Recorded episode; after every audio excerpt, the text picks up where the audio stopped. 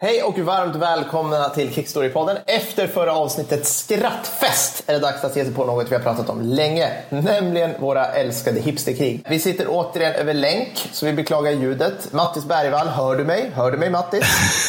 jo, jag hör. jo, Bra, sorry, sorry. Stockholm, ja, Stockholm calling. Precis. Men du, innan vi ger oss på det här skojiga så tänkte jag faktiskt att vi ska berätta och tacka ödmjukast för alla de fantastiskt fina kommentarer som har kommit in. Jag känner att det blir nästan tårögd bara över det här. Ja, och det där vill jag verkligen liksom stryka under att när vi får fina kommentarer på typ Instagram eller Facebook eller vad det nu kan vara. Jag blir verkligen så här, kan jag skicka blommor till den här människan? För att ja. det, det, är som, ni, de, de av er som har hört av er är jättesnälla. Sen antar jag att det finns någon som sitter och rasar ute i stugan. vad är det för?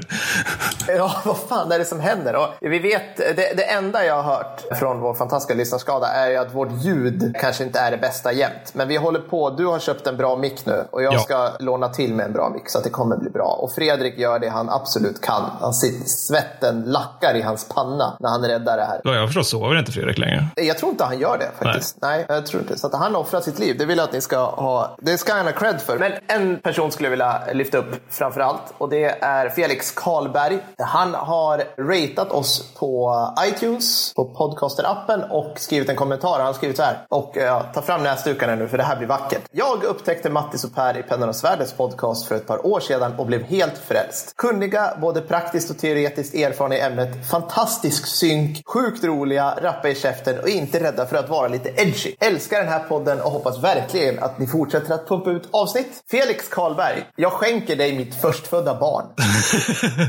och jag kan säga så här, hade inte alla vi tre här, jag, Fredrik och Mattis, varit gifta så hade vi bett om din hand. Ja, gud. gud. Men alltså, jag tänker, jag, som, som, sagt, jag vill ju verkligen skicka blommor till Felix. Jag tycker det är ja. jättefint. Men det är, det är också en rätt rolig grej. Det är att utöver att folk är snälla så är det också att folk hör av sig. Och vi har snackat om det att vi ska ha ett avsnitt som handlar om vad vi absolut inte kommer prata om. Oh ja. men, men, jag tänker att om vi inte nämner ämne X som ni, ni hör av er om och vill att vi ska snacka om, då kommer vi göra det förr eller senare. Det är bara det att det kan ta ja. lite tid. Ja, precis. Vi måste smälta det och, och komma tillbaka till det. Men eh, det, det, kommer vi absolut göra. Och eh, ja, ni som kommenterar avsnitten, ni gör ju det eh, såklart på Facebook kan ni kommentera avsnitten och Instagram och Twitter. Och ni söker bara på Kickstory-podden kring det. Härligt! Nu ska vi prata om eh, hipsterkrig och jag tänkte det här att, att vara lite obskyr är ju en fin grej. Man vill vara lite speciell. Jag tänkte på att när jag som nyinflyttad 20-åring i Gävle försökte imponera på några metalheads med att jag lyssnade på Tool och tänkte det här är coolt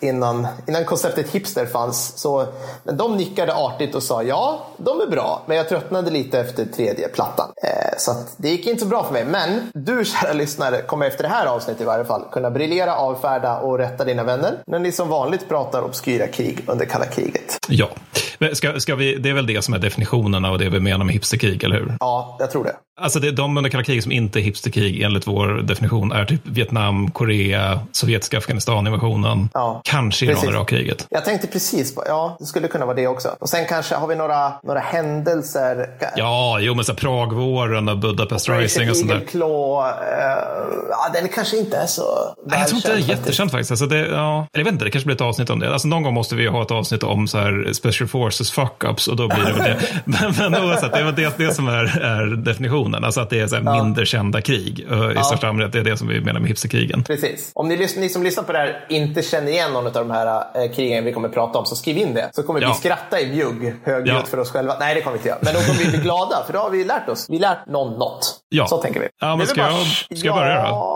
vi har, du, en shoutout förresten för att ja. han var tidig på den här punkten. Uh, han, eh, Frej Norling, du efterfrågade just mer krig under kalla kriget och det är det vi ska prata om idag. Vi kommer hålla oss under kalla kriget va Mattis? Ja, ja det kommer vi göra. Det, det, vi, kan, vi kan ju ha en separat podd om hipsterkrigen under 1800-talet. Det kommer bli det trista som någonsin gjorts. ja. Bara en massa kommentarer. Ja. Ja.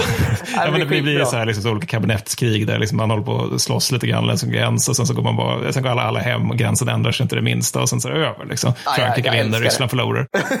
Nej, men, alltså, men en annan shoutout är Johannes Hatem som i en kommentar på Facebook sa att, eh, eller Hatem, Hatem eh, han ville att vi skulle prata om Ogaden och så vidare vidare. Och mm. eh, Sierra Leone. Och det kommer vi inte göra den här omgången eftersom det är hipsterkrig under kalla kriget. Men däremot så kommer jag snacka om angolanska inbördeskriget mer eller mindre nu. Nu ska du få göra det. Jag kommer lägga lite regler på dig bara. Ja. Innan vi kommer. Eh, och jag tänker så här att för man, ska, för man ska kunna briljera när man sitter där och hivar i sig bärs med polarna så ska man väl kunna säga så här, varför man ska veta om den här konflikten. Alltså vilken kul, så här, vilken kul krigstrivia ska man ta med sig och vad ska du, ja, vad ska du ta med dig med från det här? Så vad är, det, det krigets från, USP liksom? Vad är krigets USP? Ja, precis. Unique selling point. Exakt. Angola, få höra Mattis, kör.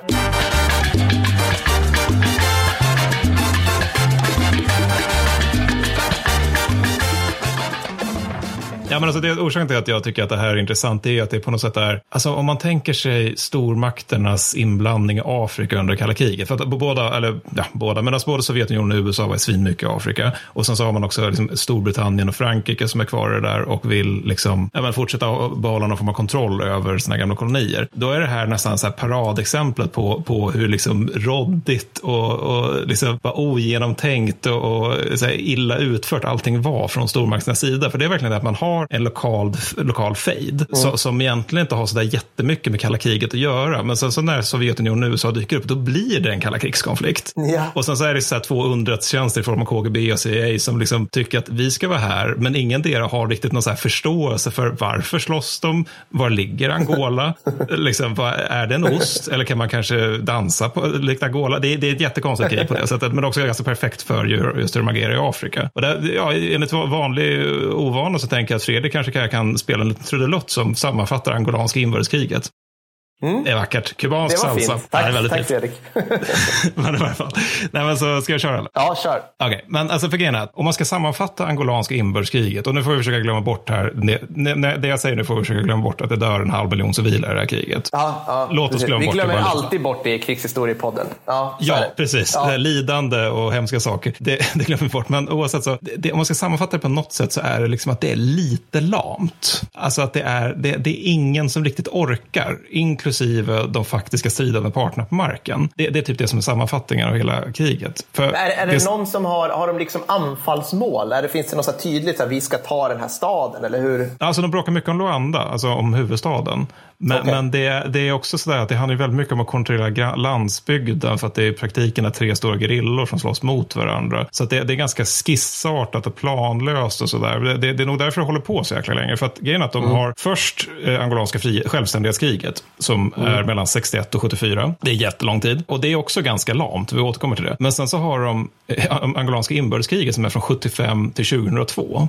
Ja. Så låt, låt det sjunka in en liten stund. Stackars jävla Angola har alltså krig och någon form mellan 61 och 2002. Det är liksom generationer som bara fortsätter att utkämpa det här eländet. Och vid det har vi lagat antar jag att det börjar bli liksom ren rutin. Liksom att man, man har sin åker, från till kommer soldaterna och vill ha liksom jams eller någonting för att de inte har någon fungerande logistik. Och sen så drar de vidare och sen fortsätter man bara som att det inte har hänt. Så jag tänker att kriget måste ju bli som en årstid där nästan. Ja. Ja, alltså, nu är det fighting season, nu kommer de här. Ja. Men och, själv, självklart så kommer inbördeskriget utifrån självständighetskriget. Då. Så att självständighetskriget det är då så att Angola är en portugisisk koloni. Det som eh, portugiserna kallar för ultramar, bortom havet. Mm. Och sen mot portugiserna så står det inte en, inte två, utan tre gerillarörelser naturligtvis. Ja. Då. Kommer ja. det här så här lite bokstavsvänster-gerillor nu?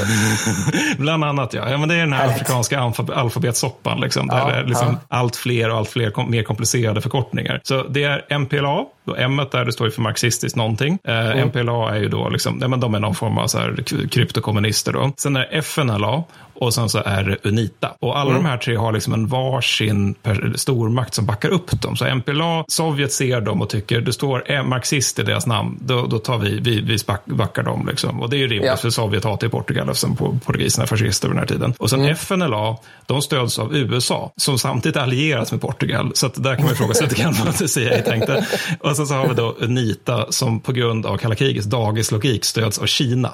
För att vid den här tiden så är det liksom, Kina vill också visa att vi är också en makt makt. Vi är också coola. Ja. Så vi kan inte ja. hålla på och stödja MPLA, utan vi måste stödja Unita. Och grejen är att egentligen handlar det här bara om etniska motsättningar, inte bara, men det är stor del om etniska motsättningar. Mm. Liksom att det är olika etniska grupper som inte är överens om vem som ska styra Angola. Och därför slåss de. Men sen då när stormakterna dyker upp, då är ju liksom inte ledarna för de här olika gerillarörelserna, de är inte korkade människor. Så de, de noterar liksom att okej, okay, men om vi i MPLA säger att vi är kommunister, typ, vi gillar Lenin, mm. då kommer vi få skitmycket robotsystem och mm. Kalashnikovs av mm. ryssarna. Och samma grej med Unita, liksom, att om vi säger att vi är maoister, då, då kommer vi få massor med go, äh, göttiga saker från Kina. Så mm. det, är liksom, de, det är mycket så att de säger att de står för en viss ideologi, men vi har mer intrycket att det handlar om att de vill ha gear utifrån. Liksom. Mm. Och det var ganska vanligt i Afrika under den här tiden. Ja. Men oavsett så, liksom, som sagt, det här är liksom, om du tänker en grilla, mm. vad tänker du då? Liksom? Ja, men ett gäng människor i typ så halvcivila kläder som släpar sig runt i skog av någon anledning. Jag tänker lite djungel. Jag tänker på, jag tänker på typ Sydamerika, tänker jag på när du säger grilla. Vad heter de? Ja, I just, Colombia. Farc, va? Ja, Farc. Alltså, jag ser så här uh, newsreel-bilder, dokumentärbilder från typ så här Farc-läger. Det ser jag framför mig när du ja, säger grilla. Ja. Men tänker du möjligtvis Vietkong också? Men de, alltså i och med, åh oh, herregud, Vietnam Mattis. Alltså, det, är, det är en så egen värld. Alltså, det, är så, det är så specifikt för mig för jag kan mer om det. Så jag, där ser jag, Vietkong var ju liksom, i och med att de var ju så satans framgångsrika också, så blir det ju, ja lite grann. Jo men okej, jag ser Vietkong framför mig också. Ja, för det är något man tänker sig Vietkong och så ska man ta de här angolanska grillarna så är det liksom, det låter lite elakt det där också, men det är liksom lite motsatsen. Alltså det som håller ihop det hela är att de är väldigt motiverade, för de lyckas ju hålla liv i luckan mellan 61 och 2002, så då måste man ju mm. vara motiverad för sin sak. Men just det här med Vietkong ändå liksom drar, alltså bidrar ganska tungt till att USA lämnar Vietnam och faktiskt förlorar det kriget. Så är liksom så här MPLA, FNLA, UNITA, det är mer sådär att de, de är igång 61 till 74 mot portugiserna och det är liksom inte sådär jättehöga förluster för Portugal. Nej. Och det är delvis att de slåss ju rätt mycket mot varandra. Utan ja. de knegar på, det är ganska lamt och till slut så suckar liksom Portugal och bara hoppar av hela skiten och bestämmer sig nej nu, nu, nu är det bra. Liksom. Och så portugiserna är också så här, de, de är ju typiska eh, kolonialherrar och ansvarstagande. Så de säger till grillorna, ni löser ut det här va? och sen drar de. och det, det, det, fungerar inte alls naturligtvis. Så grillorna börjar skjuta på varandra med en gång verkligen. Och det är det här någonstans som de verkligen börjar liksom spetsa öronen runt om i de olika supermaktshuvudstäderna. Så USA, de har just de har noterat att nu, nu har vi en konflikt mellan någonting som kallas marxister och någonting som inte är marxister. Så det, det är vi intresserade av. Mm. Men grejen är mm. att det här är 75 som de börjar skjuta på varandra i Angola igen. Så att USA 75, de har ju liksom just dragit sig ur Vietnam.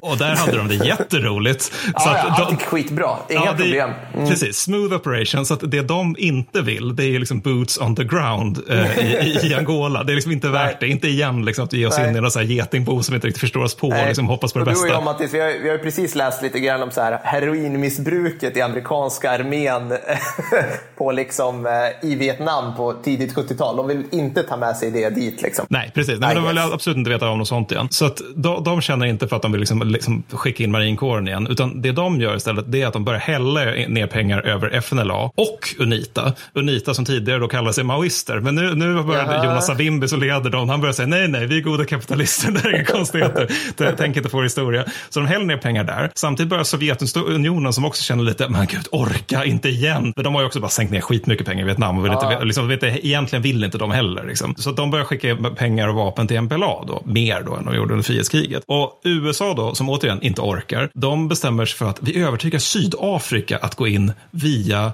Namibia. Det som idag är Namibia. Ja, det är skitbra. Och mm. Sydafrikanerna de orkar inte riktigt heller, men de är ändå lite grann så här att ja, men det finns en motståndsrörelse mot vår ockupation av Namibia som heter SWAPO, tror jag det är. Mm. De har ju sina läger i Angola, så det är ändå i vårt intresse så att liksom försöka kriga lite där. Men samtidigt är det också att Sydafrika känner att, ja men orka. Det är svinjobbigt att invadera till land liksom. Så att de, de går med på att gå in åt USA, givet att de A får liksom lite cash och sådär, men också att de inte ska behöva sådär jättestora förband i landet. Utan, och det dels då för att de inte vill verka liksom, internationellt missnöje, men också för att de är rasistiska svin. Liksom, så de föredrar ju om de på något sätt kan använda angolansk trupp då, som kan kriga mot andra angolaner så att inte en mm. massa arier dör, tänker sydafrikanerna. Men några som faktiskt orkar, det är Kuba. alltså Kuba. Kuba, de, san, de socialistiska världens sanna hjältar, ja, de orkar. För att när, det, det, som händer är liksom att FNLA med amerikansk stöd, då, de börjar angripa mot Luanda för att ta Luanda, huvudstaden, från MPLA. Återigen, jag vet, många förkortningar. Och det kubanerna gör då, när de ser det här, att våra socialistiska bröder, som förmodligen inte är så mycket socialister, är hotade, det är att de tar 36 000 man, vilket är ganska mycket. 36 000 man? Ja, ja mm. det var då, det, vilket är väl så här, dagens svenska försvarsmakt försvarsmakt plus hemvärn. Liksom. Så ja. de, de, bestämmer, och det, det är ju rätt mycket för en sån här liten fattig kommuniststat i den karibiska övärlden. De tar dem och sen upprättar de luftbro mellan Kuba och Angola. Det, det är alltså, de rör sig inte bara mellan olika kontinenter, jag tror till och med det blir olika hemisfärer. Och det är inte så att de har något flygvapen att tala eller, om, eller utan de har liksom typ så här, ja men bröderna Wrights plan mer eller mindre. Ja. De tar, har de, fast många. Eh, vi måste så... lägga upp bilder på det här, det är helt fantastiskt. Ah, alltså, jag bra. älskar Kuba, vi måste komma tillbaka till det här. Kuba är ju verkligen kommunistvärldens most valuable player på den här tiden. Alltså, ja, ja. Så, de ställer upp på allt. Oj, det är något som, någon, någonting händer någonstans i Afrika. Vi skickar allt vi har. De går och så här plockar sina, sina bönder från, liksom, jag höll på att säga risfälten, men sockerrörsfälten och de bara va? Okay. Vem är du? Jag vet inte ens vad det här är. Ska jag åka någonstans? Och så bara på något här rostig skorv i åtta veckor. Liksom. Ja, ja. Bara, Vart är jag? Jag är på månen. Liksom. Ja, men då, det, det, är också lite konstigt att det skrivs mer om det, för de är ju liksom nästan så här kommunistvärldens chocktrupper under den här tiden. Ja. Liksom, Sovjetunionen, var kan vi basera taktiska kärnvapen, eller op, vad säger jag, med, med, eh, kärnvapen med medeldistans? Kuba? Ja. Ja. Mm. Och kubanerna bara absolut. Sovjetunionen, orkar vi vara i Angola? Nej. Kuba orkar ni? Ja, vi orkar. Vi skickar 36 000 man. Återigen, luftbro. Men också det att de har alltså fem mellanlandningar på småöar i eh, Atlanten. Så, så då, då, får man ju så lite turistkänslan. Det är väl lätt att tänka sig liksom att de landar där. De går av där, ja. går, går igenom taxfree lite grann, spelar lite ja. flipper, på, på planet med liksom en så här stor påse med så här lakrisbjörnar eller någonting och drar vidare. Och sen så nästa mellanlandning så håller det på så. Liksom. Till slut så kommer de till Angola, så avsuttit 36 000 man i mars 1976. Och grejen är att eftersom eh, de här FNLA då håller på med sin offensiv och det är svindåligt för MPLA, då, socialisterna, så bestämmer sig eh, kubanerna för att skicka ut liksom en första styrka som är nästan bara artillerister. För att det är att ryssarna varit snälla nog att ge salvpjäser till, eh, till eh, MPLA. Oh, nice. Det är, det är jättebra. alltid kul. Mm. Ja, men jag tror att det heter de, BM21 eller någonting åt det Men och de, de här är jättebra de här grejerna. Men problemet är att de har ju liksom inte orkat fixa det här med liksom utbilda manskap och liknande till, nej, till MPLA. Det är svinjobbigt. Ja. Överkurs tyckte de. Så att det de istället gör är att de bara skickar över pjäserna och hoppas på det bästa. Och sen när de här kubanska artilleristerna som har utbildning faktiskt kommer dit och ska börja använda de här grejerna för att liksom FNLA kommer, det liksom hotar huvudstaden, vi måste hålla linjen. Det visar sig att ryssarna har liksom inte orkat packa tändrör till raketerna till de här samtliga. Så de får istället fly, flyga in från Kuba och sen får de här stackars artilleristerna jobba så här oavbrutet i ett dygn innan de kan liksom få i ordning en. Men det är här vi kommer tillbaka till att det här kriget är lite lamt. För ja. det räcker med den här enskilda salvpjäsen för att FNLA ska mötas av MPLA och kubansk, kubanska artillerister vid slaget vid Qui Fangondo, tror jag det uttalas. Säkert helt rätt. Ja, det är säkert helt rätt. Och, och det räcker med den enskilda eh, salvpjäsen för att inte bara hejda FNLA utan också se till att det aldrig mer kommer ha militär betydelse. Okej. Okay. Det är färdigt. Sen november 75 finns inte FNLA längre. Och det är bra för den här podden, för nu behöver vi hålla koll på MPLA och Unita. Tack, tack. Jag, ja. jag ser framför mig i den här, i den här kartan slash uppställningen i Paint som du kommer göra efter det här, att vi kommer vara liksom här bokstavskombinationer och pilar och ja. massa, eh, massa förkortningar hela tiden. Så nu kan vi stryka över en mentalt ja, här i varje fall. Precis. Inget mer MPLA. MPLA är kvar, men FNLA är borta. men jag fattar en dag vi ska prata om så här andra Kongokriget, för där kan vi prata komplicerad konflikt. Det är så 50 olika miliser bara i en provins. Bokstavligt talat, det är inte ens för skoj. Är, ja. Men oavsett, men så, så då är de borta. Men så, Sydafrikanerna kommer ju fortfarande, liksom. men, men grejen är att de har ju sina små förband som de är ute och åker. De är jättekompetenta, de kan sin skit, bla bla bla, bla modern mm. utrustning och materiell. Så de tar terräng. Men där någonstans så liksom får omvärlden höra att det finns sydafrikansk trupp i Angola och det ska det inte göra. Så då blir de skitsura och samtidigt så då blir kongressen i USA skitsur så de säger åt CIA att lägga ner alla verksamhet i Angola vilket gör att sydafrikanerna får dra sig ut. Och sen så är det liksom någon form av så här lite dödläge egentligen under nästan, egentligen från 75 alltså fram till typ 87 blir det väl. Där man, liksom, man har det här liksom lågintensiva kriget mellan UNITA och MPLA och mm. sen så försöker man fram någon fred men det går inte riktigt. Och eh, det, det, alltså, det, det, det också märks lite grann att inte så, det, är inte så bra insikt i hur de här länderna fungerar eller vem som gör vad och sådär. För att som gubben i lådan dyker KGB upp och försöker avsätta ledningen i MPLA. Mm. Men det tycker inte kubanerna om, så de sätter in pansar för att avbryta det kuppförsöket. Alltså det är mycket sånt där, liksom att de inte riktigt snackar med varandra. Så och, kubanerna sätter in pansar mot KGB som, och KGB har bett kubanerna att vara där, ja, eller Ryssland. Ja, ja, mm, ja det är exakt så. Ja. Precis så. Ja, men det är liksom den, här, den typen av konflikt, liksom, där man kan undra lite grann vad är det vi håller på med med egentligen. För det är bara den där typen av cirkelresonemang. Lite farsartat, så här, smälla i dörrarna fars. Liksom. Ja, men precis så. Ja. Ja, men precis. Monty Python skriver ett krig. Nej, men så ja. då, vi, återigen, vi får glömma bort en halv miljon människor dör. Men oavsett, alltså, Kuba, de, de, har, de börjar också tröttna på det ganska snabbt. För de har ju tänkt sig att de ska vara i Angola i sex månader. Mm. Och totalt är de där i 16 år istället. Ja. Vilket mm. är längre. De, de, de sätter in totalt 377 000 man i olika omgångar i Angola. Eh, vilket alltså är 5 procent av hela Kubas befolkning som tjänstgör i Angola. I det här meningslösa skitkriget som liksom inte är på väg någonstans och inte har någon betydelse alls. Och sen där så 85, då helt plötsligt som gubben i lådan bestämmer sig eh, CIA lite sådär när man ändå är igång på infall att nu börjar vi stödja Unita igen. Ja, eh, ja. Och då, då, går ju kriget över till att bli högintensivt igen. Och då blir det en sån här konstigt dragspelsgrej då där liksom Unita, de bara åh fan vi har pengar igen, vi kan köpa vapen, skitbra. Så då börjar de angripa och sen kommer MPLA som är större och bättre, de driver bort dem och sen kommer de ner till gränsen mellan Angola och Namibia och då dyker sydafrikanerna upp vid gränsen och bara vad i helvete är det här och driver bort MPLA och så håller det på mm. så liksom under 85 fram till 87. Men sen 87 så är det någon så här lokal chef i Sydafrika Afrika som just har liksom avspisat ett MPLA-anfall och skyddat UNITA-trupper mm. som tycker att om vi fortsätter att förfölja in i Angola, mm. vad kan gå fel? och det, det, som kan gå fel då är att kubanerna tycker att åh gud vad skönt, de gör det här. Då kanske vi kan få till ett stort slag som vi kan vinna. Då kan vi äntligen komma ur den här skiten. Kan vi få åka hem till min ja, ö som så. jag inte vet vart det ligger? Vi kan få åka till mm. våra sockerrör igen. Så att ja. då, det de gör är att de eskalerar med 3000 man och 700 fordon som de återigen bara slussar över från Kuba till Angola på något jävla vis. Och sen blir det ett storslag vid något som heter, nu ska vi se, Kuitu Kunavale. Mm. Jag, jag kommer aldrig lära mig uttala de här, nej, nej, jag, jag tror nej, det är portugisiska. Och det slaget, ja. det, det, är ganska intressant för det är mycket av de här liksom vapensystemen som är ganska ikoniska för kalla kriget. Alltså det är så MIG och Mirageplan som möter varandra, mm. stridsvagnar av typ T55 och så, så uppgraderade Centurionvagnar, jag tror de heter Olifant i, Afrika, i sydafrikansk ja, tjänst. Salpjäser, artilleripjäser. Det, det är liksom rätt mycket materiell där, det är mycket, rätt mycket ikonisk materiell som håller på att slåss mot varandra. Det är typ en del som menar på att om vi kollar här, vi svenskar hade ju Centurions i form av stridsvagn mm. 101, 102, 104, 105. Ja. De möter T55 där. Så det här är liksom någon form av test, testskjutbana för Sverige också, tycker jag en del. Mm. Och det är ett av de dittills största slagen i Afrikas historia. Men som sagt är det liksom, det är lite lamt också. För det håller på ett helt jävla halvår.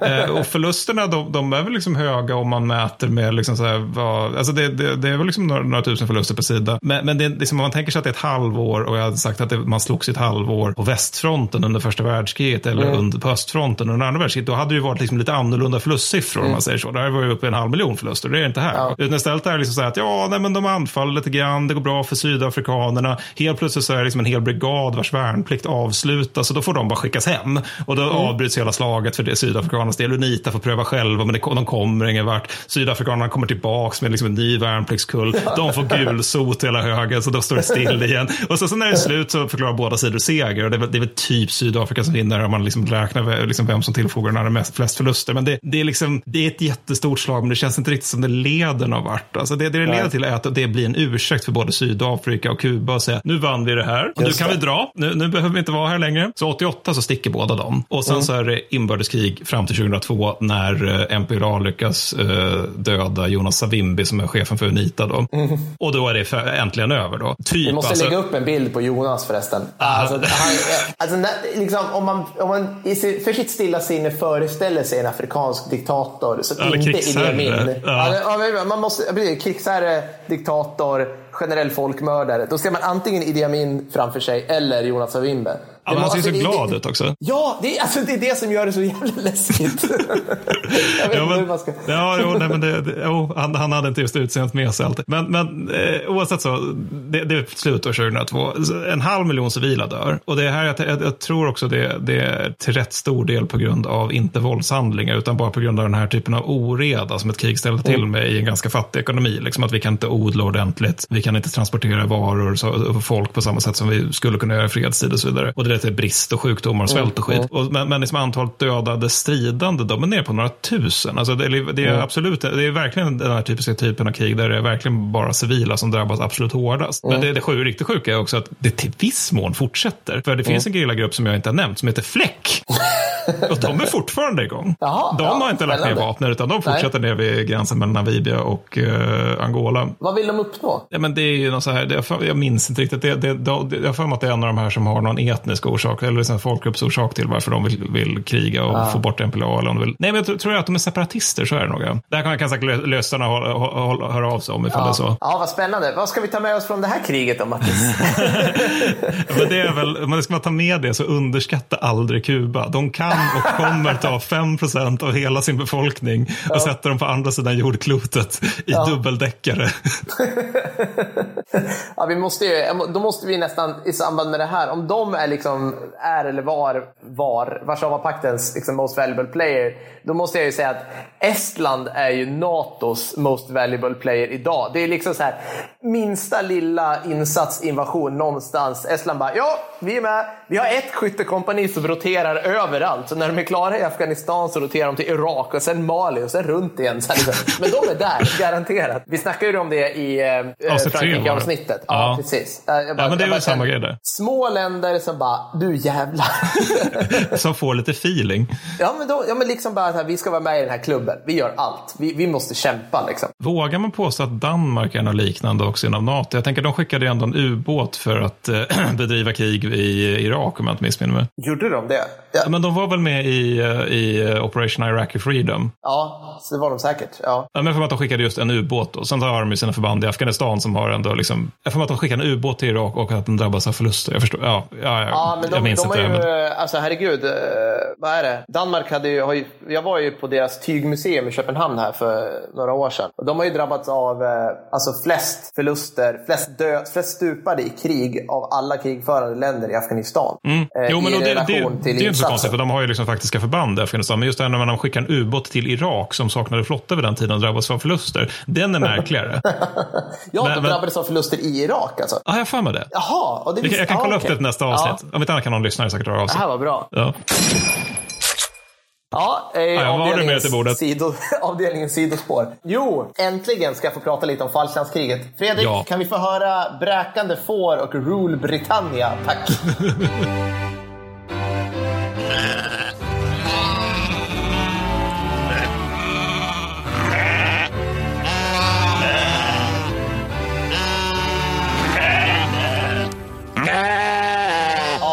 fint. Härligt. Okej, okay. 2 april till 14 juni 1982. Det är för 38 år sedan. Jag börjar känna mig gammal. Det finns ett konto på Twitter, jag ska säga det finns ett konto på Twitter som rapporterar dag för dag fram till krigsslutet. At War Diary F82. Vi kan nog länka, länka på Facebook som tar upp liksom vad som hände. För det, det är ett kort satans krig. Det är mm. himla kort. Så att det går fort. Och det går både fort från första invasionsögonblicket till liksom krigsslutet. Så där skulle jag vilja säga en USP för Falklandskriget bara det. Det är rätt lätt att skaffa skaffa sig en överblick hyfsat fort, även om det händer himla mycket. Och det här Mattis är kul, för det här är för mig första tv-spelskriget. Alltså, mm. Hela Falklandskriget skulle kunna vara typ Battlefield 18. alltså, du, du, vet, du vet, man hoppar, vad är det? det är man, man hoppar ifrån att vara så här, helt plötsligt är du en stridspilot, sen är du en specialförbandsoperatör, sen kör du en stridsvagn. Liksom.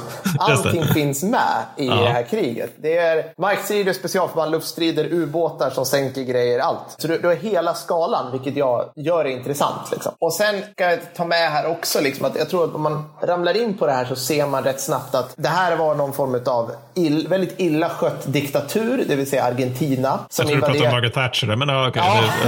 Nej, inte riktigt. Man kan säga mycket om Storbritannien på den tiden, men inte riktigt det. Det är min sossighet som dyker upp där. Ja, herregud. Som invaderar ett eh, ja, brittiskt territorium faktiskt. Och Storbritannien, en av dåtidens stormakter, svarar med all sin högteknologi. Men en, en stor del av det här visar sig att det var så otroligt mycket på fisen att de klarade det här överhuvudtaget. Det var absolut inte så att de vann på sin högteknologiska dominans, Storbritannien, utan de vann faktiskt på rena soldategenskaper. Det här kommer vi över till, jag tar det här lite senare också. Och, och kul också tajmingen, för att det Storbritannien var tvungen att göra det var ju att skramla ihop sin flotta på den här tiden, skicka nästan allt de hade, för de hade ju rustat ner väldigt mycket. Eh, och hade Galtieri, alltså diktatorn för Argentina, bara väntat några månader så skulle ju Thatcher inte ha några som helst, det vi skulle kunna kalla för lätta hangarfartyg att ens skicka ner. För att Royal Navy ja. skulle bli enbart en ubåtsjaktstyrka. För ah. på, den här, ja, men på den här tiden så var det så liksom att NATO hade ju slagits mot, eller stått mot Sovjetunionen så pass länge och de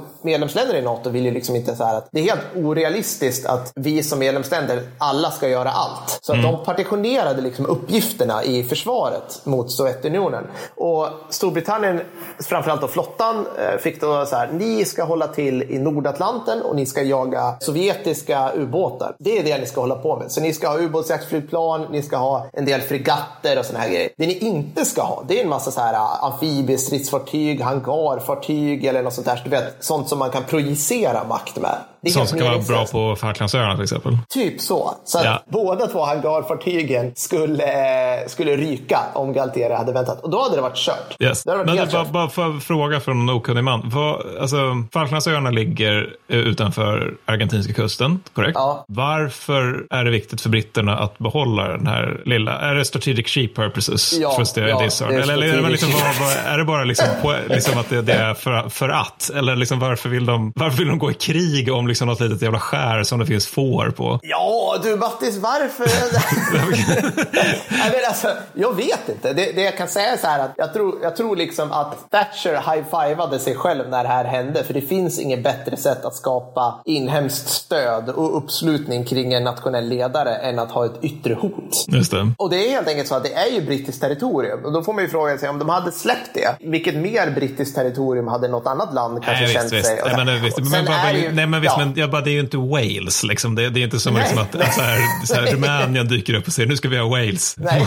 Måste ha det. Utan det här är ju ändå liksom ganska off. Det är ganska ja, uppenbart att de tog det liksom när de de tog det av hade slipade mangos och de hade kulsprutor. Eller, liksom att, eller förstår jag menar? Det, det känns så ja. perifert. Men, men, men visst, det är klart de ska ha sina grejer. Ja, ja men det är, det är ju liksom, nu tror jag det till och med territorium. På, på den tiden så var det ju som, som vi var inne på i franska avsnittet också, att de här länderna har sina extremt bysantiska byråkratiska system där de kopplar ihop olika territorium och länder i någon form av halv-commonwealth-liknande system liksom, som Falkland tillhörde. Hur som helst. Det här tog eh, britterna en del på sängen så att de drog samman sin, sin flotta, skickade ner grejer och fick liksom trolla med knäna i mångt och mycket. Det som visade sig var att framgångsfaktorn var att minst misstag vinner. Det. Och det här är liksom, man kan ta ett bästa exemplet egentligen som jag har. Och det, här, det här är det som egentligen i största fall avgjorde kriget. Det är Bomber Alley. Bomber Alley är helt enkelt att eh, britterna ska landstiga, sätta i land luftburna brigaden och Royal Marines och allting i San Carlos Bay. Så det de gör då är att de måste få in alla fartygen och försöka skydda dem på en plats och det blir då Bomber Alley. Smart eller inte, jag vet inte. de bara så här, men det är lugnt, det är lugnt. Vi har Rapier som är så här flång nya luftvärnssystem. De ska vi sätta, de, vi går i land direkt, flyger in de här luftvärnssystemen så sätter vi dem på kullarna. Skitbra. Det som, det som märkte var att Rapier var ju helt oduglig i den här plottriga miljön. Mm. Så de bara, ah, det här var inget bra. Men det är ju tur att vi har, liksom, det är tur att vi har de här två luftvärnssystemen på våra fregatter då, som ligger som en, en ring runt det här, runt eller inte handelsfartygen, transportfartygen. Det visar sig att luftvärnssystemen på dem inte kunde prata med varandra perfekt heller. Och då säger britterna, ja men vi har ju ändå våra Harrier stridsflygplan på våra, de här två små, egentligen ubåtsjaktshangarfartygen. De kan ju ligga där och så kan, kan vi ha Combat Air Patrols uppe hela tiden. De här jävla argentinarna som flyger hela vägen vägen från Argentina. De kommer inte ha en chans. Problemet är ju bara då att ett, det här är Harrier-flygplan. De är rätt gamla, de är underljudsflygplan och de har inte så mycket bränsle. Två, på grund av, eh, och det här hoppas vi kommer tillbaka till, på grund av ryktet om en argentinsk ubåt som var till havs då. Ryktet! Så, så ville man liksom sätta, så flyttade man de här hangarfartygen långt öster om Falklandsöarna. Ryktet om den och lite så här lufthot från Argentina. Så att det gjorde att de här eh, Harrier-piloterna kunde vara över, så att säga, över fartygen in i Bomber Rally väldigt kort stund. Och då mm. tänker man så här, ja men okej, vad kan då argentinarna göra? Jo, alltså de hade duktiga Skyhawk-piloter, alltså mindre, tänk, tänk typ SK60-storlek på flygplan. Vad var det vi kallade dem under kalla kriget? Lätta attacken? Lätta, lätta attacken. Lätta Kamikaze skulle man kalla det i alla andra ja, krigsmakter. Men det... Ja, alltså helt sjukt. Eh, men de här var faktiskt baserade på Falkland. De hade alltså, trots britternas bombardemang med Vulkanbombplan så hade de inte slagit ut landningsbanorna. De kunde faktiskt starta. Och det, så det här är ju liksom någonting, nu tänkte man att det här kommer gå svinbra. Problemet var bara mm. bomberna som Skyhawksen släppte. De hade inte, deras tändrör var inte kalibrerade att släppas på så låg höjd som de gjorde. Så av 25 bomber som träffade fartyg, alltså 200 kilos bomber, det är liksom ship killers mm. i princip, så detonerade inte nästan 19 stycken av dem. ja, det är lite IG. Alltså, Lord Craig som var chef över brittiska flygvapnet på den här sidan, han sa så här, om de hade haft sex, styck, om sex tändhattar, eller tändrör, hade fungerat mer, om sex mer tändrör hade fungerat så hade vi förlorat kriget. Men, men jag fattar inte, hur då? Alltså hade de inte test, kollat innan om de här grejerna fungerade? Eller de, de bara hoppas på det bästa? De övade mm. skarpt? Eller vad? Nej, det, det, var liksom att som, jag tror att där var väl liksom, där dök väl någon form av eh, lite u-landsdiktatorproblematiken in, eller funktionerna in i det här. Att de bara, nej men vi, vi, vi, kollar, vi köper bara in de här, vi kollar inte, vi flyger iväg nu, vi har inte tid. Jag, jag tror det var något sånt. Men sen var det också, det var också helt sjukt. BBC gick ut och sa så här, ja, bomberna detonerar inte här där vi står och tittar på liksom. Vilket argentinarna hörde.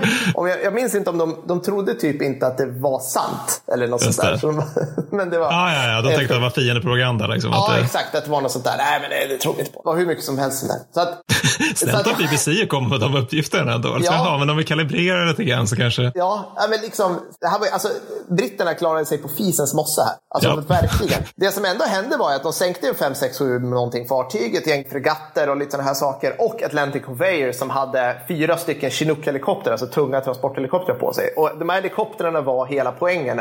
Alltså, de skulle liksom transportera runt de här brittiska elitsoldaterna på öarna så att de snabbt kunde kringgå argentinska försvarsställningar och ta Port Stanley. Och bara, pang! Och nu har vi avslutat det här kriget. Det som hände nu var ju att de här brittiska elitsoldaterna gick i land och så sa folk så här. Vi har inga helikoptrar, ni får gå. Och de bara, ja, okej. Okay. så de går över hela Falkland. Det är inte jättesmå öar. Det är Nej. extremt dåligt väder. Och det är berget också? Ja, du har, eh, du har de första rapporterade fallen av kallbrand och trenchfoot sedan andra världskriget bland brittiska soldater. Här. Mm. Men här visar sig att på soldatnivå, det är, nu, det är nu man skiljer agnarna från vetet. För att de gjorde det här, de höll stridsvärdet uppe och de, när de hade kommit fram så slog de, besegrade de, de argentinska värnpliktiga. Så att det här, här visar ju liksom just att hur jävla mycket mer effekt man kan få ut av anställda professionella soldater än värnpliktiga. Mm, för, för det var, det var ganska, jag, jag läste någon grej ganska nyligen och det var någon militär analytiker som just tog Falkland som ett exempel på exakt det. Liksom. Alltså att en värnpliktsarmé kan du ha om du ska ha liksom ett världskrig där du bara behöver jättemycket kött. För att då, då spelar det, alltså, det, det, är inte samma krav då på att man ska ha liksom verkligen yppersta eliten så, eftersom du kommer ha så höga förluster så att det kommer liksom mm. inte spela någon roll om du har det. Men, men just när den här typen av små polisaktioner så, så slår det slår yrkesarméer och värnpliktsarméer alla dagar i veckan. Liksom. Mm, precis. Alltså, så väldigt, väldigt givet. Liksom. Och det skiljer, jag ska säga också, det skiljer inte så nämnvärt i utrustning. Alltså, alla andra saker var equal i det här världet. Att de hade samma, ungefär samma eldhandvapen, understödsvapen och sådana, sådana grejer. Och det blev helt enkelt klassisk skyttestrid mot befästa ställningar. Och det ja. gjorde helt enkelt att ja, argentinarna stupade, gav upp, flydde. Det är det här sammanhanget som det hände där vid Goose Green. Det, det var väl något så här, typ brittiskt bajonettanfall nästan. Nej, men ja. liksom att det var något storman, stormangrepp mot en kulle. Jag, jag, kan verkligen inte Falklands, men... Nej, nej men det, det, stämmer. Alltså, de, anföll, ja, de anföll befästa ställningar helt enkelt. Så de här brittiska, eller argentinska värnpliktiga sköt med tunga kulsprutor på britterna. Britterna höll sig nere. Någon sa så här, uh, fix bayonets! och så på med bajonetter och sen ruschade de. Jag vet inte om de blev bajonettade. Jag, jag, jag, kan inte minnas det riktigt. Nej, fast alla, alla som någonsin har träffat en Fenrik vet att det, det liksom gick en ilning av liksom illa dold glädje genom ja. den Fenrik eller kapten eller vad det var som gav den ordern. Alltså alla som har träffat en Fenrik vet det. Ja, ja, ja, givetvis. Alltså de måste ha älskat det här. Vi vet att många älskade det här. Det skrevs i memoarer efter det här. De här helt blindgalna, extremt krigskåta brittiska officerarna bara yes. det, här var, det här var det bästa. Och det, alltså, saker går ju vägen. Det, det stupar ja. någonstans runt, ja vad är det? 270, 50 ehm, britter under det här och jag kommer inte ihåg, 500-600, det är en så många argentinare. Liksom. Så att på ett sätt, i det stora hela, är det, det är liksom ett fint krig. Det är liksom lätt paketerat och det är det på något vis vill ha sagt med det här också. Att på många sätt så ser vi, det här kan vara en, en, liksom en förspeglare. Det här, är, nej, fan, det här är nog den enda gången, jag ska säga att två stycken länder som har dåtidens modernaste teknologi, även om argentinarna hade det i väldigt, väldigt mycket mindre grad än britterna, som, som går liksom, två, två industrialiserade civiliserade nationer som går mer eller mindre all out. Det mm. tycker jag, bara det gör det intressant. Kul trivia. Den enda liksom, special SF mot SF-striden som jag vet om skedde under Falklandskriget också. Då var det SAS mot Ar Argentinian Commandos vid striderna runt Top Malo House. Och, det som, och sen en gång till som ledde upp till anfallet mot Mount Kent. Vi kan nog säkert lägga upp någon bild på de här två. Ja, jo, men jag antar att SAS vann då helt enkelt. De vann, ja. ja precis. Ja. Annars hade vi aldrig hört talas om det. Nej, nu var jag taskig. Nej, men, äh, ja, och det här är shoutout igen då, ska jag säga också. För nu tog vi upp den här Ruben Rydén som ville höra mer om yrkesarmé kontra värnplikten. Ja, jag kan, kan äh, lägga in, jag vet inte om det överlever klippningen, men, men när jag pluggade statsvetenskap för en massa år sedan, då var det en del statsvetare som de tyckte väldigt mycket om Falklandskriget. För att när man håller på med statsvetenskap så vill man ha väldigt så här väl avgränsade fall av saker och ting. Exakt, ja. Och då tyckte, brukade de kalla, alltså helt oironiskt brukade de kalla Falklandskriget för det perfekta kriget. Ja. För att det var det här med att man har liksom flyg, man har uh, sjöstridskrafter och man har marktrupp också. Ja. Att uh, båda sidor har det och det är ganska kort som du säger och det är liksom inte så, det är inte massa civilbefolkning och skit som uh, dras in i det hela på samma sätt som ja, i Angola till exempel. Utan att det, det, är ganska enkelt för sorts både två sidor och så kan man mäta och väga och därifrån. Så de, ja. de tycker jättemycket om eh, Falklandskriget. Ja men det är svinbra. Det, det är liksom inga, inga folkgrupper som slåss mot varandra. Det är inget, så här, det är inget så blodigt, dåligt etniskt här. Det är, inga, det är egentligen inga ideologier att tala om.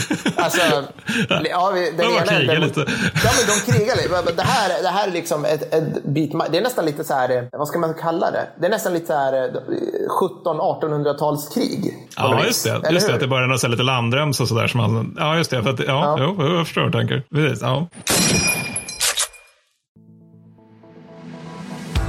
Att få vardagslivet att gå ihop när man är på väg att bli poddmiljonär är som vi alla vet svårt. Man kastas mellan att laga mat till barn och att skriva listor över vilka Maserati man ska köpa när stålarna kommer sen rulla in. Men det finns hjälp att få. Tack vare vår nya sponsor Akademi, före detta Blackwater, har vi hjälp med både ROT och RUT-tjänster. De före detta legosoldaternas kunskaper inom personskydd, övervakning och eh, förmodligen lönnmord gör att vi känner oss extra trygga när de dammsuger, klipper gräs, rengör poolen eller bär in shoppingkassorna. Tack Blackwater, eh, Eh, jag menar Akademi, för att ni gör min vardag möjlig.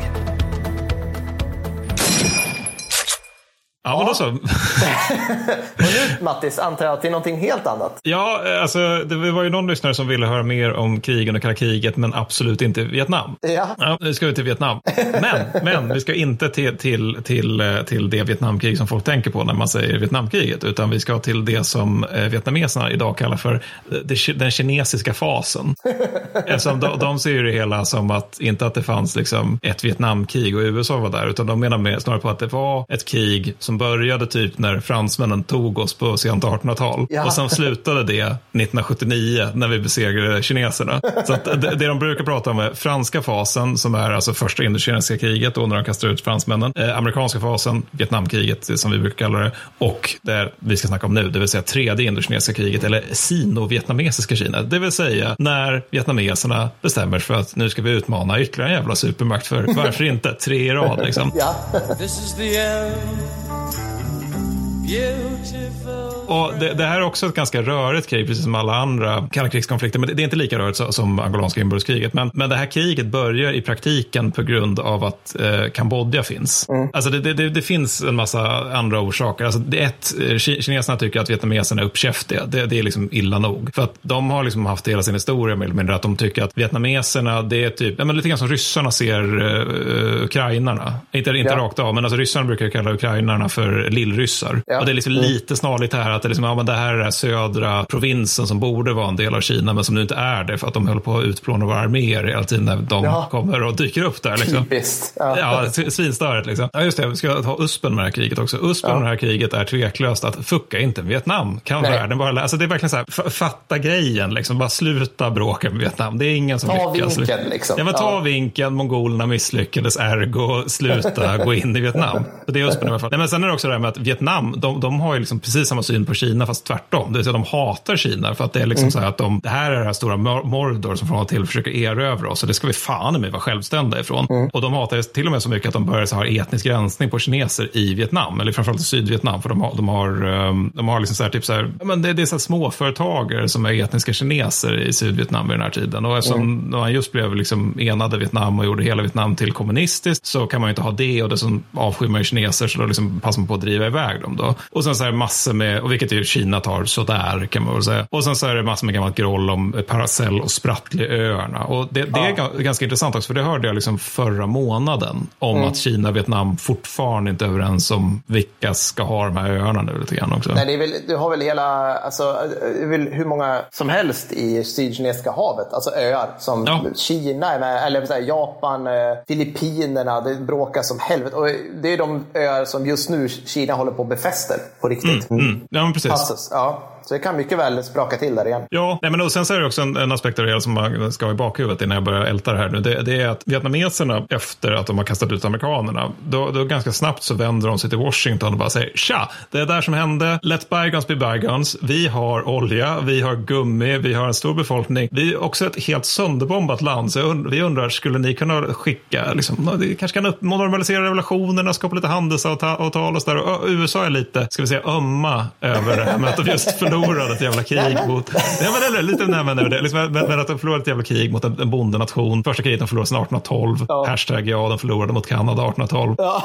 så, så de, de, då, då dessutom håller de på att liksom försöka knyta bättre relationer till Kina. Och då framstår ju Vietnam som bara, ja, nej, nej, det, absolut mm. inte. Så de skiter i Vietnam och vill ha kontakt med Kina. Och det kommer att relevans senare. Men det som är grejen är då att det här kriget utbryter i praktiken för att Khmer Rouge finns. Och Khmer Rouge, mm. vad sa du? Nej, jag bara, jag vet vad som komma skall misstänker ja. ja. ja men alltså, Khmer Rouge är något av det värsta som någonsin har hänt. Alltså det, det är så här, om man tar nazismen och så kombinerar man den med stalinismen, då har man Khmer Rouge. Mm. Och då, de här eh, folkmördarna då, som är alla praktiska liksom barnätare, verkligen, de, de, de, hänger i Kambodja, har tagit makten i Kambodja från 75 och styr det under Pol Pot. Och de är, liksom, de är helt tokiga verkligen. Det, det, det var, jag tror Peter Englund som beskrev det som att om du var i Nazityskland mm. och du var bara vanlig tysk som, som skötte din vardag, liksom, inte, inte bröt mot lagarna och liksom inte höll på och bråka med, om politik och sådär, då var du ganska säker. Men däremot så om du tillhörde någon av de här grupperna som nazisterna ogillade, till exempel mm. judar eller romer eller liknande, då var du dömd till undergång. Alltså punkt mm. slut. Det fanns inga möjligheter för att överleva. Medan det i Sovjetunionen var så att du var, oavsett vilken, vilken, vem du var, så var du alltid lite osäker. Som där var mm. det som var problemet klass. Mm. Och det innebar ju liksom att men, ledningen kan ju få för sig att du tillhör en klass som de inte tycker om just nu. Mm. Men å andra sidan kan du ju också byta klass. Du kan sluta mm. vara borgarklass eller överklass och helt plötsligt bli underklass eller bondeklass och då är det ganska lugnt. Då kommer du inte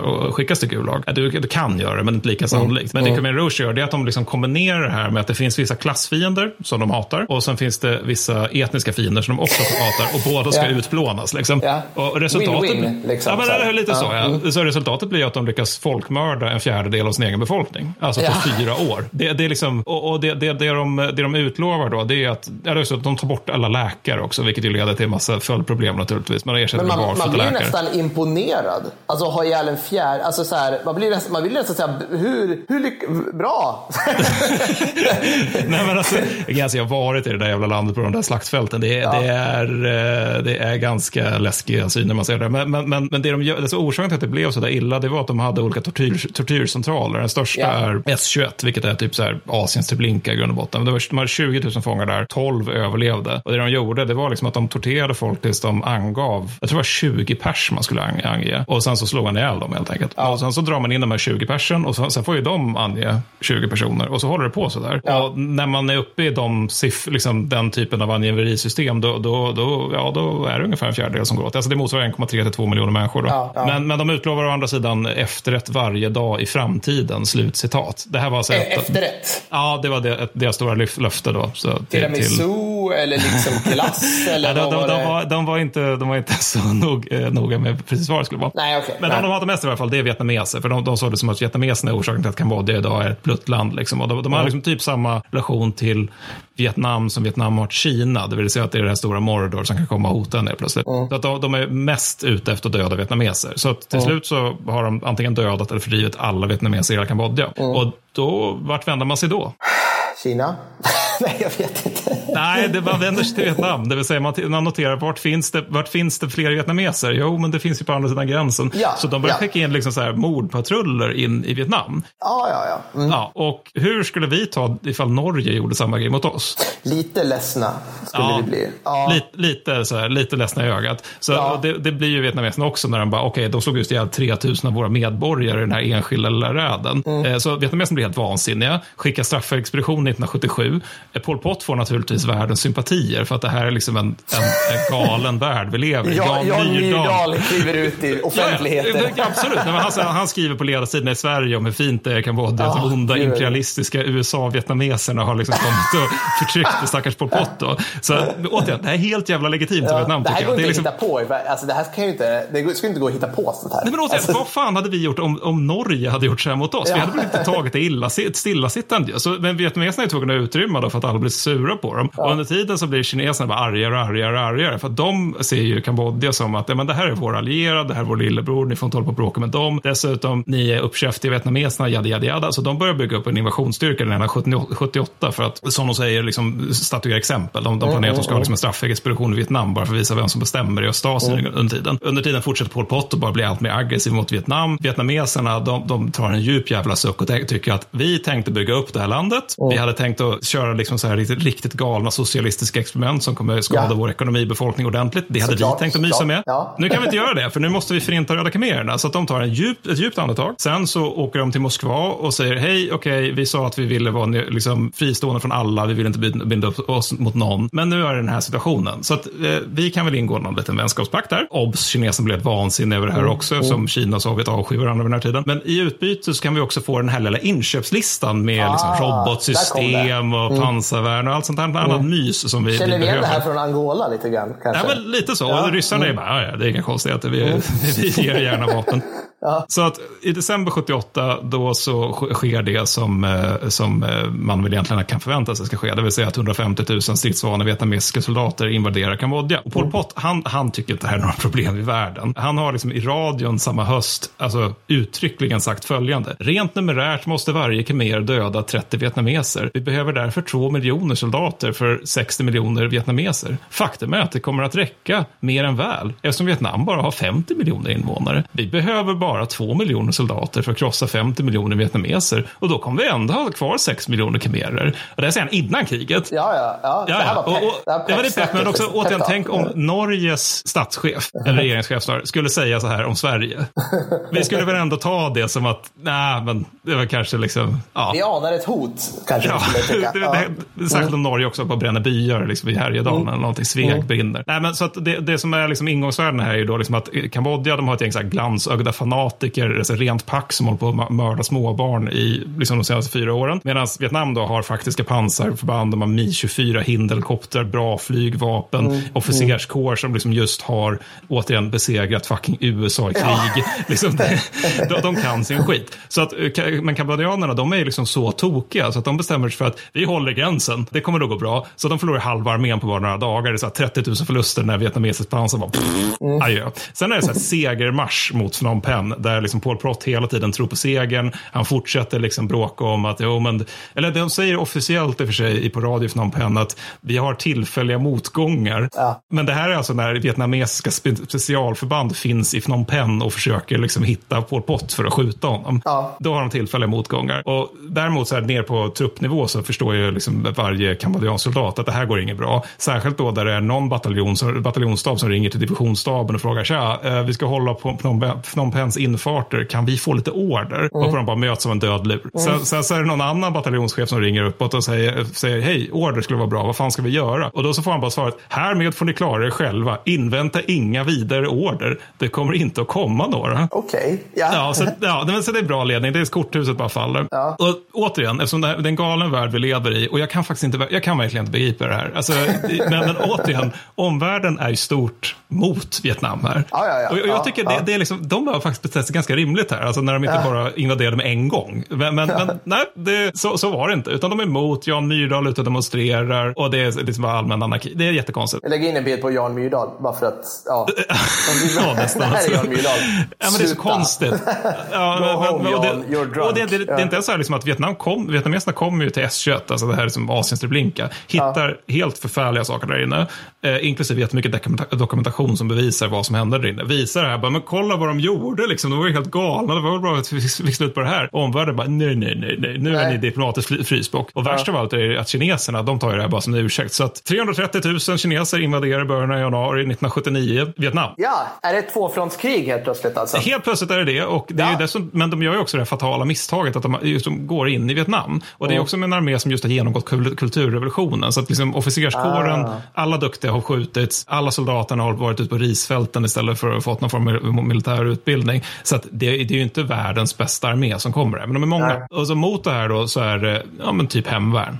I vietnamesiskt hemvärn dock. Ja, det är ju det. För det innebär att de har ju stridserfarenhet från Dien Bien Phu och Sagge-robotar. Det, är liksom, det, det, det, är inte så här vi åkte till pizz, pizzerian med trucken, utan det, det här är ganska salta, det är en ganska salt form av hemvärn kan man säga. Så att liksom, Kina vältrar sig över gränsen. För det grejen är att eh, varken Kina eller Vietnam vill ju ha ett riktigt krig. Så den vietnamesiska riktiga armén, de är framförallt i Kambodja och så har de några divisioner som ska hålla, liksom, se till att Hanoi är skyddat. Liksom. Men det faktiska kriget är mellan så kallade regionala styrkor och eh, reguljära kinesiska armén. Då. Men så Kina vältar sig in. De vill så bara gå in i eldöfall efter väl, eldöfall efter eldöfall. Minspärr efter minspärr.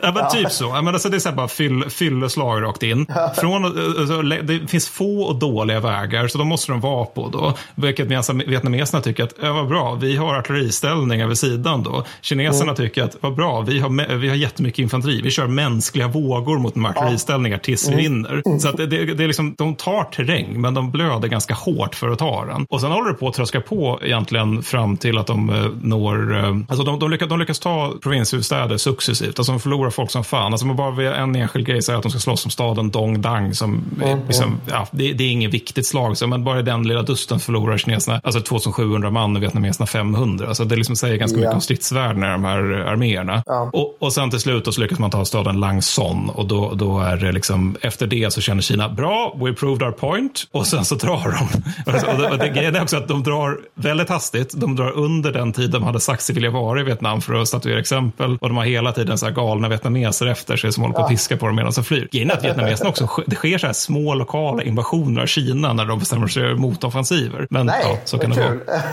Ja, ja men, det, men det är bara så här små grejer. Liksom. Det är någon pluton som går, går över gränsen. Och bara, Haha. Men eh, kontentan är liksom att det, det håller på ungefär en månad och vi vet egentligen inte hur många som gick åt det här kriget. För att båda sidor liksom säger ju liksom att ja, nej, men vi dräpte 480 000 kineser. Ja, men vi dräpte en halv miljard vietnameser. Alltså de ljuger ju bara helt Ja, enkelt. ja. Men, men om man ska utgå från västländsk signalspaning så finns det i alla fall uppskattningar om att 30 000 vietnameser stupade och 32 000 sårades. Och sen så att 27 000 kineser stupade och 37 000 sårades. Men Grejen är att enligt åtminstone Gunnar Orselius och Marcus Medberg så är när det gäller den eh, vietnamesiska förlusterna så är det förmodligen även civila. Alltså att det även är civila är som en del av de stupade. Vilket låter rimligt också om man tänker på ingångsvärdena på de här två styrkorna. Så det man ska ta med sig av det här kriget det är funkar aldrig med Vietnam. Det är liksom en dum idé att gå in i Vietnam.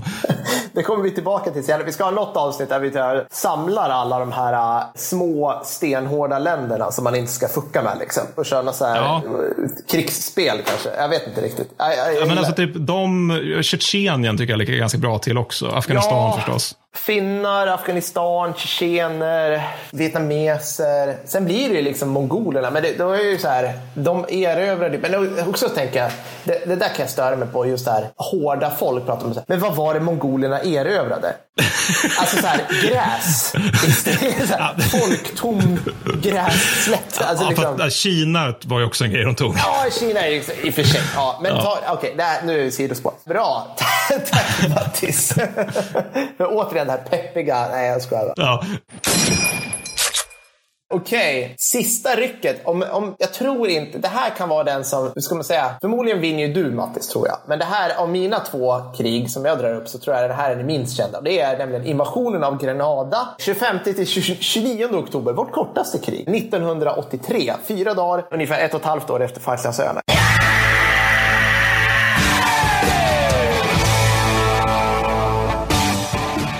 Jag håller mig på början av 80-talet. Jag har fastnat för det. Jag vet inte riktigt vad det är. Ja, men det, jag tror det är muscharna, liksom den här så här lite vaga porrfilmsestetiken som finns över hela... Exakt, det är liksom det här amerikanska woodlands och så musha och så liksom, det är någon den här liksom tidig, tidig Top Gun-grejen. Jag vet inte, ja. Men det är på den här tiden som amerikanska armén försökte liksom sluta vara demoraliserad genom att, eller försökte avdemoralisera skyttet genom att rekrytera genom att säga att men vi är jävligt groovy i armén. Det finns ja. otroligt pinsamma reklamfilmer från den här tiden som visar ja. Extremt. Liksom. Det här är i alla fall ett slags, det här har vi sagt för varandra, men det är ett klassiskt kalla kriget-krig. Det är alltså ett litet land i tredje världen med soprumsdemokrati som verkar liksom bara av ren slump falla in i östblocket. Det dyker upp en satans massa, wait for it, kubaner. En del Vännen ryssar. som aldrig sviker. Nej, och när kubanerna åker någonstans och det dyker upp en del ryssar, det vill säga så alkoholiserade ryska officerare som är så här advisors, då åker det ner en så saftblandare i taket i Pentagon direkt. Liksom.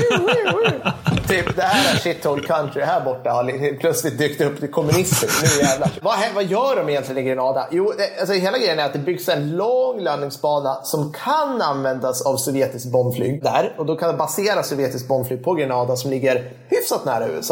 Det kan också användas för turistflyg, men ja, vi låter det vara ja. det här. Och sen helt enkelt, efter att några grannländer bett om hjälp så gör Reagan, han gör en Reagan och invaderar. Grannländerna är typ Barbados och någonting annat. Sådana, liksom, det, det, alltså, I efterhand så känns det så här, det, kän, det här känns också lite lytisk komik, men jag kan förstå det på något vis för att liksom, det är en expansiv kommunism och du vet, det var liksom kubanska trupper där. Men, men fråga, vad, vad här av de här krigen där amerikanerna sa att we've shaken the Vietnam syndrome? Ja, alltså, det är det som är så kul. Det uttalade syftet, det här står alltså på flera ställen, det är att komma över post-Vietnam-syndromet i framförallt US Air Force. Det står det liksom, vi måste göra någonting, vi kan ha det här. Liksom. Det är sjukt, för de sa det efter att de hade tvålat till Saddam under Kuwaitkriget. Också? Ja. Ja, alltså ja. så att det där satt i. Alltså jag tror på det skulle vi kunna ha ett avsnitt om. Alltså, det, är så, alltså, det är helt sjuka grejer, liksom, det här tidigt 70-tal i amerikanska armén. Det är, ja. Jag tror att visst, till viss mån det fortfarande sitter i med tanke på att liksom, när USA går in, man säger, säger Afghanistan och Irak, då är det fortfarande just det att de säger att, eller det man oroar sig för är alltid another Vietnam. Ja, precis. Och, och sen när det går dåligt så är det liksom att nu är vi ett annat Vietnam. Ja, verkligen en, en ja, precis riktig liksom kvarnsten runt halsen rent mentalt antar jag fortfarande för etablissemanget. Och det är väl inte så konstigt, jag menar de som var, de som var kan, man, kan man dra till med, de som var pluton och kompanichefer i Vietnam, de är väl liksom höga generaler nu. Alltså, ja, det finns ju kvar liksom institutionellt. Ja, men typ Colin Powell till exempel, han, han stred ju i Vietnam. Ja, just det. Ja, men precis. Ja, eh, ja, i varje fall. Så man vill komma över det och post Operation Eagle Claw-debaclet också. Det här, den här härliga gisslanförsöksfritagningen i Iran som vi eh, kan absolut göra ett eget avsnitt om. Ja. Och det, alltså, här har man kommit fram till ett, ett stridstekniskt system ett sätt att göra det. För Delta Force då, som eh, är rådgivare, de bara vet att det här med helikopterlandsatt och specialförband som gör snäviga grejer, det är bra. Det ska mm. funka. Det finns ingenting som hindrar det här. Liksom. Och alla vet ju såklart att USA kommer vinna det här, men hur? Och liksom, så de, de passar ju på nu lite grann, som vi sa, testa lite olika sätt. Ett av de här är ju att använda mycket specialförband. Och på ett sätt kan man se invasionen av Grenada som det första av en lång rad tester för det som, vi idag, det som idag är sinnebilden för specialförbandsoperationer. Det vill säga snäviga grupper, rätt få, som åker in med helikopter någonstans, gör någonting och sen åker helikopter ut. Alla liksom, Seals, Delta Force Rangers, alla de här som flimrar förbi på ja, tv-spel och allt möjligt. Liksom. De, de börjar sin utveckling här på många sätt. Mm. Hur gick det då? Ja, alltså, kul, kul utveckling. De kom på att det funkar fortfarande inte. Eller så här, det är så belagt med risk att Liksom, av fem stycken specialförbandsoperationer som de skulle göra här så gick en som det var tänkt. Ja, just det. Och då kan man ta, jag tar ett axplock här. vi går med Seal Team 6, alltså det bästa Seal Teamet, kanske inte var det då, men skitsamma. De skulle spana mot en strand på Grenada och se om den var tillräckligt bra för att eh, landsätta eh, amerikanska marinkåren. Så de hoppar från en helikopter, de hoppar, hoppar för högt och för långt ut. Då har de navigerat fel så att fyra drunknade. Nej, vad fan. Eh, så att den här, den här lilla båten som skulle paddla in den, den vattenfylls av någon så här, av oklar anledning. Så de, de fick avbryta och fick bli räddade. Men förlåt, förlåt att jag avbryter hela tiden, men, men fatta liksom mängden pengar och tid man lagt ja, ner i varje enskild operatör här. Ja, och det, alltså, grejen är den att mycket det, en del kom in på det är så här, helikoptrar är, Alltså det är att rulla tärningen när du flyger en jävla helikopter. Det här, liksom, när man läser sådana här saker då förstår man varför, varför man hör före detta operatörer och såna som har flugit mycket säga så här, jag kommer aldrig mer sätta mig i en helikopter. Ja. Det är så jävla mycket haverier. Speciellt för dem som flyger så mycket. Liksom. Okej, okay, en annan grupp SEALs skulle göra en ännu snävare grej. De skulle erövra Grenadas radiostation, singular radiostation, och burra sända psyops och liksom övertyga kubanerna och grenadier, grenadjärerna, heter de inte, Grenada. Vad kan heta? Grenada Bo, Granada, Boda kan vi säga. Ja. ja, precis. Att ge upp. Så de var kanske 20 stycken SEALs. En motattack skedde av ett, med hjälp av ett pansarskyttefordon. Ett pansarskyttefordon, en gammal BTR. Ja. Och det här var så här, SEALs bara, vad ska vi göra? Det spelar ingen roll hur stora mina biceps är eller hur bra jag skjuter med min MP5. Vi, vi kan inte göra någonting. Det är ett pansarfordon. Liksom. Så att de fick exfiltrera ner till havet och simma ut till en amerikansk jagare ett pansarfordon. Det hade, alltså, man, blir liksom, men, men, man blir lite återigen, matt här. Liksom. Ja. Hur tänkte ingen på det här planeringsskedet? Alltså, menar, som du säger, det spelar ingen roll att de är jätteduktiga. På, alltså, de, det, är ju, det är ju spaningssoldater i praktiken ja. som är eh, plus. Ja, men alltså, det, det, är klart de inte kan göra... Alltså, det, det, finns ju ändå en risk att fienden har någonting som liksom inte är kött. Ja, men det, det, är det här man kommer till hela tiden. Och det, här skulle jag absolut kunna ha ett avsnitt om. Det är det här liksom att vi tror att specialförband ska... Vi, vi tror att det är som ett tv-spel. Liksom. Du börjar mm. längst ner och då slåss du mot trossoldater. Slåss mot eller signalister eller whatever. Och sen kommer, sen kommer vanliga skyttesoldater och sen kommer jägare och sen kommer specialförbandsoperatörer. Du slåss liksom i, i, i, trappa uppåt. Men så är det ju inte alls. Det. Alltså, SF de skulle liksom ta sig in osedda, spränga någonting, göra en väldigt, väldigt begränsad attack och sen dra sig ur. Liksom spana mot någonting. Så de ska ja. absolut inte slåss mot reguljära förband för att då får de spö.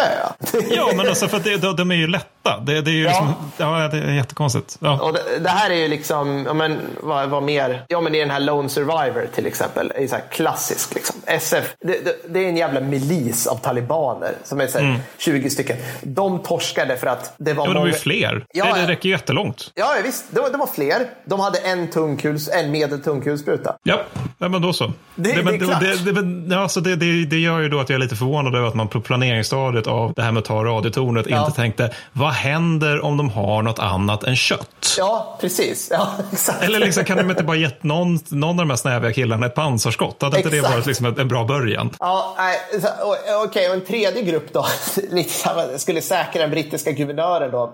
Grenada är, var är det här bysantiska nätverket som britterna vävt sina gamla kolonier som tillhörde Storbritannien på något vis. De blev omedelbart omringade av återigen ett pansarskyttefordon och ett gäng försupna kubaner, antar jag. Liksom. Ja. Och fick räddas efter ett dygn av ett kompani marinkårssoldater som körde dit längs vägen, slog ut pansarskyttefordonet och sa så här, vad var problemet? liksom. Alltså jag lovar att det finns en film från 80-talet om det här, där det inte är lika liksom så här Åsa-Nisse som du beskriver det, där det är så jävla Heart, häftigt. Heartbreak Ridge. jo, Heartbreak Ja, jag kan ge mig fan på, jag måste faktiskt kolla det här. Alltså Clintan en av sina bästa roller. Film från 86 med Clint Eastwood. Jajamensan! När plutonen skickas för att strida på Grenada får både den och sergeanten visa vad de kan. Just det. Så kolla på Heartbreak Rage. Den är eh, ja, inte lika lytisk komikens. Men, men som sagt, allt det här bäddar ju för det idag vi ser som specialförbandsoperationer. Liksom. Det alltså, den misslyckade Black Hawk Down, för Black Hawk Down var en misslyckad operation. Även om ja. det blev en, en, en jävligt snävig grej och jänkarna försöker väl ja, vinkla det till det de kan. Men räden för att uh, mula Osama bin Laden, den var ju lyckad. De förlorade ja. bara en helikopter. Alltså.